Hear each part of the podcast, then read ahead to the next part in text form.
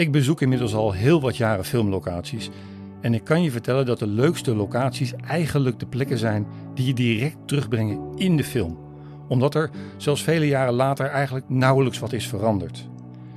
In Londen ligt ook zo'n leuke wijk, waar je zo die ene film weer binnenstapt. Die o zo fijne film over a girl standing in front of a boy asking him to love her. Je luistert naar Fantastische Filmlocaties, een podcastserie over films en de locaties waar ze werden opgenomen. Je hoort dingen die je nog niet wist over de films en de mensen die ze maakten. En ik ga je vertellen waarom ik het zo ontzettend leuk vind om filmlocaties te bezoeken. Daarom deel ik mijn verhalen en ervaringen met jou als luisteraar. Mijn naam is Jeroen Huisdens en in deze aflevering neem ik je mee naar Londen en vertel ik je van alles over Notting Hill.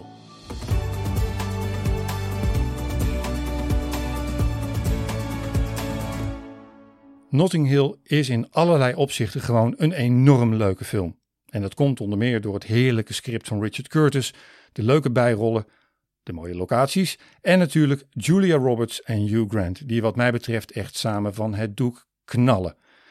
Maar wat ik vooral zo leuk vind is dat je de sfeer van de film zelfs jaren later zo weer te pakken hebt door de locaties in de wijk te bezoeken. Daarover zometeen meer. Over het casten van de twee hoofdrolspelers bestond eigenlijk vanaf het eerste moment totaal geen twijfel. Hugh Grant was de absolute nummer 1 voor de rol van William Thacker en Julia Roberts was vanaf dag 1 de actrice die Anna Scott moest gaan spelen. Roberts zei alleen niet direct ja tegen de rol. Toen ze voor de film werd gevraagd, noemde ze die eerst saai.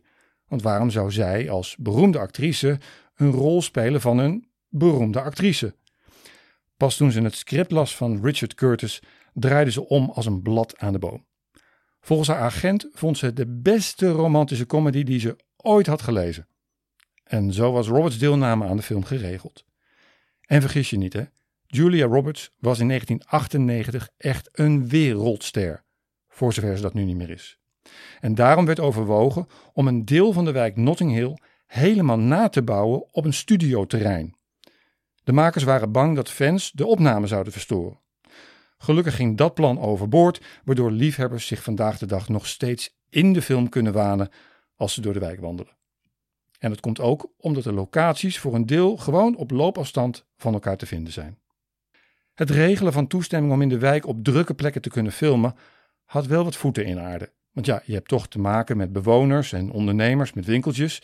En daarom is een goede locatiemanager ontzettend belangrijk.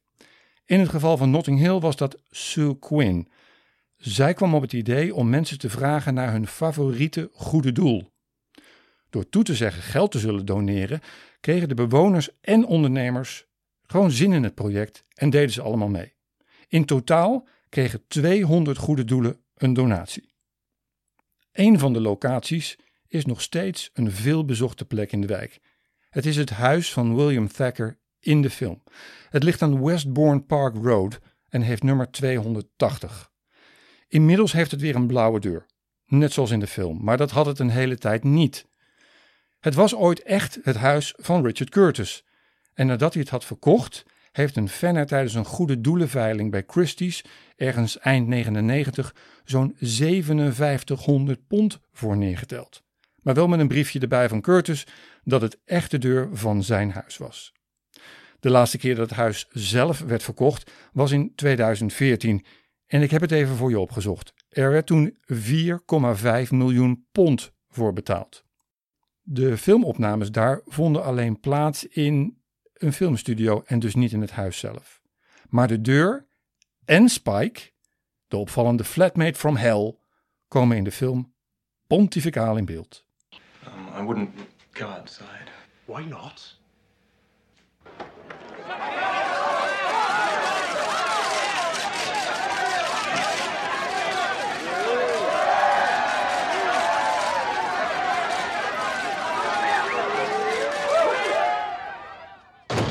Did I look? Not bad. Not at all bad. Je zou er maar mee moeten samenwonen. Juist. Goed. Ik neem je zo mee naar de andere filmlocaties, maar eerst even terug naar de man dankzij wie Notting Hill er kwam. Omdat hij het verhaal bedacht en het script schreef. Richard Curtis. Die Curtis was eind jaren 90 eigenlijk al helemaal geen onbekende naam en zeker niet in Engeland. Hij was vooral bekend van Four Weddings and a Funeral en de tv-series Blackadder en Mr. Bean. Hij heeft eigenlijk altijd gezegd dat hij op het idee voor Notting Hill kwam tijdens een slapeloze nacht. Hij vroeg zich toen af hoe zijn vrienden zouden reageren als hij onaangekondigd Madonna of Kylie Minogue of zelfs prinses Diana mee zou nemen naar een eetafspraak. Maar een paar jaar geleden kwam Hugh Grant opeens met een heel ander verhaal. Dat Notting Hill gebaseerd zou zijn op een echte relatie, die van een studievriend van Curtis. Hugh Grant beweert dat Curtis hem dat heeft verteld toen hij een paar glazen te veel op had. Die vriend zou in 1994 een beroemde actrice hebben ontmoet in Harrods, het bekende warenhuis in Londen. En daarna zou er zomaar een geheime relatie zijn ontstaan. De filmster in kwestie was volgens dat verhaal niemand minder dan Uma Thurman. Zij was twee jaar daarvoor gescheiden van acteur Gary Oldman en ze was in Londen voor filmopname. Alleen wil niemand dat verhaal van Grant ontkennen of bevestigen. Waarschijnlijk om de lieve vrede te bewaren en geen al te oude koeien uit de sloot te halen. Maar een mooi verhaal is het wel. Goed, terug naar Notting Hill. Naar de wijk dan bedoel ik. Ik vertelde je net over het huis met de blauwe deur. Wel, als je daar schuin de straat oversteekt richting Portobello Road, dan loop je zo naar de hoek waar Hugh Grant tegen Julia Roberts aanbotst en zij de beker jus d'orange over haar t-shirt krijgt. Op die hoek kon je lange tijd koffie halen, maar tegenwoordig zit er een restaurant in waar ze pokeballs verkopen. Het is ook een mooi startpunt om de bekende markt op Portobello Road in te gaan. De markt, heel bekend, staat er op maandag tot en met woensdag van 9 tot 6 en op zaterdag van 9 tot 7. Het is extra leuk omdat de markt ook in een scène in de film zit waarin Hugh Grant vol liefdesverdriet door de verschillende seizoenen loopt. Die vier seizoenen werden allemaal op één en dezelfde dag gedraaid, ergens in het voorjaar van 1998. En met een computermontage werden ze vervolgens met elkaar verbonden alsof het net één take lijkt. Het is een mooie scène, niet in de laatste plaats dankzij Bill Withers. Ain't no sunshine when she's gone. It's not warm when she's away. Ain't no sunshine when she's gone. And she's always gone too long. Anytime she goes away. Je hoeft daarna maar twee minuten Portobello Road af te lopen en rechts af te slaan naar Blenheim Crescent. Daar vind je op nummer 13 de Notting Hill Bookshop. Nee, dat is niet de boekenwinkel uit de film, maar het is wel de winkel die Richard Curtis inspireerde om zijn hoofdpersoon eigenaar te maken van een boekenwinkel. Die shop die opende in 1979, toen Richard Curtis zelf nog om de hoek woonde. Sarah Anderson, de eigenaresse destijds, besloot de boel in 2011 na 32 jaar te sluiten. Maar de winkel werd gelukkig op het laatste moment door iemand anders overgenomen. En het leuke is dat het lange tijd echt, zoals in de film, een reisboekenwinkel was, genaamd de Travel Bookshop. Ik weet het nog omdat ik jaren geleden, toen ik er voor de eerste keer kwam, een boekenlegger kreeg. Toen ik een van mijn eerste filmlocatieboeken kocht, The Worldwide Guide to Movie Locations van Tony Reeves. En ik heb ze allebei nog. De boekenwinkel die je in de film ziet, ligt op twee minuten afstand aan Portobello Road, op nummer 142. Er zit tegenwoordig een souvenirwinkel in en die hebben ze heel slim de Travel Bookshop genoemd. Maar je kunt er geen boek krijgen. Althans niet dat ik gemerkt heb. De filmposter van Notting Hill hangt er loeigroot in de etalage, dus missen kun je de locatie niet. Ze verkopen er trouwens geen spullen van de film hoor, maar gewone sleutelhangers, mokken en t-shirts van Londen. Hoe dan ook, het is het pand uit de film. Al zie je daarin alleen de buitenkant van het pand, want alle opnamen binnen, inclusief die ene beroemde scène, werden opgenomen in de bekende Shepperton Studios. I live in Notting Hill. You live in Beverly Hills. Everyone in the world knows who you are. My mother has trouble remembering my name. Fine. Fine. Good decision. Good decision. The fame thing isn't really real, you know. And don't forget, I'm also just a girl standing in front of a boy, asking him to love her. Ja, daar word je dan toch elke keer wel een beetje stil van. Maar goed, het loopt gelukkig goed af. Laten we doorgaan.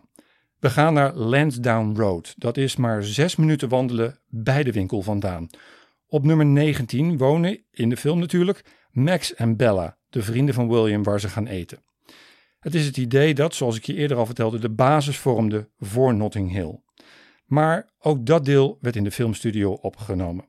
Maar je komt wel langs het huis, dat je toch even in beeld ziet, als je op weg gaat naar Rosemead Gardens.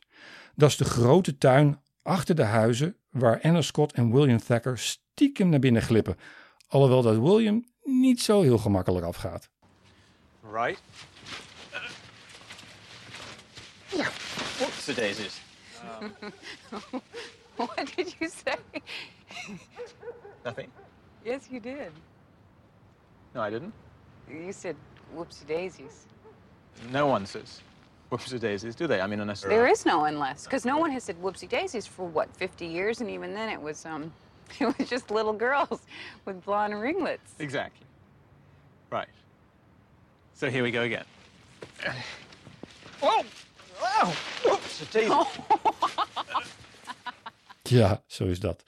Ook in het echt zijn Rosemead Gardens privéterrein. Je kunt er helaas dus niet naar binnen. Ook niet door s'avonds over dat hek te klimmen, hè? Maar goed, het is wel leuk om het zelf even gezien te hebben. Nou is er nog het verhaal van dat bankje in dat park. Dat bankje waar Anna helemaal weg van is vanwege de tekst die erop staat. For June who loved this garden, from Joseph who always sat beside her. Dat bankje, dat dook op een gegeven moment op in Australië.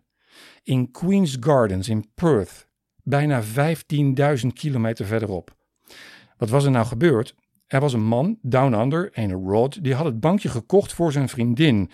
En op dat bankje deed hij haar een huwelijksaanzoek. Nou, die relatie ging later kapot en de man besloot het anoniem te doneren aan het park in Perth. En dat vonden ze bij het stadsbestuur zo leuk dat ze een plaquette lieten maken dat het bankje was gebruikt in de film Notting Hill. Nou, het is echt pas drie jaar geleden dat het hele verhaal werd ontkracht door een lokaal radiostation dat het tot op de bodem heeft uitgezocht. En wat bleek? Het bankje was gewoon gemaakt door een meubelfabrikant in de stad O'Connor vlakbij Perth. Einde filmillusie. Maar opnieuw wel een leuk verhaal. De grote vraag is natuurlijk, waar is het echte bankje? Wie weet staat het wel gewoon bij Julia Roberts in de tuin. En die houdt natuurlijk gewoon verstandig haar mond. Of hoe zong Ronan Keating dat ook alweer? You say it nothing at all.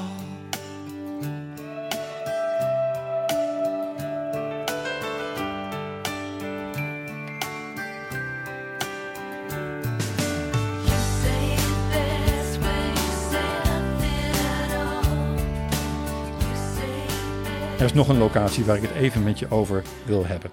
Je herinnert je vast de scène waarin Anna en William naar de film gaan. Waarin William zijn duikbril opdoet omdat hij zijn bril kwijt is. Nou, die hele grappige scène werd gefilmd in de Coronet Theatre aan Notting Hill Gate. In dat theater, dat dateert uit 1898, werden van 1916 tot 2014 films vertoond. Maar tegenwoordig zijn er alleen maar theaterproducties te zien.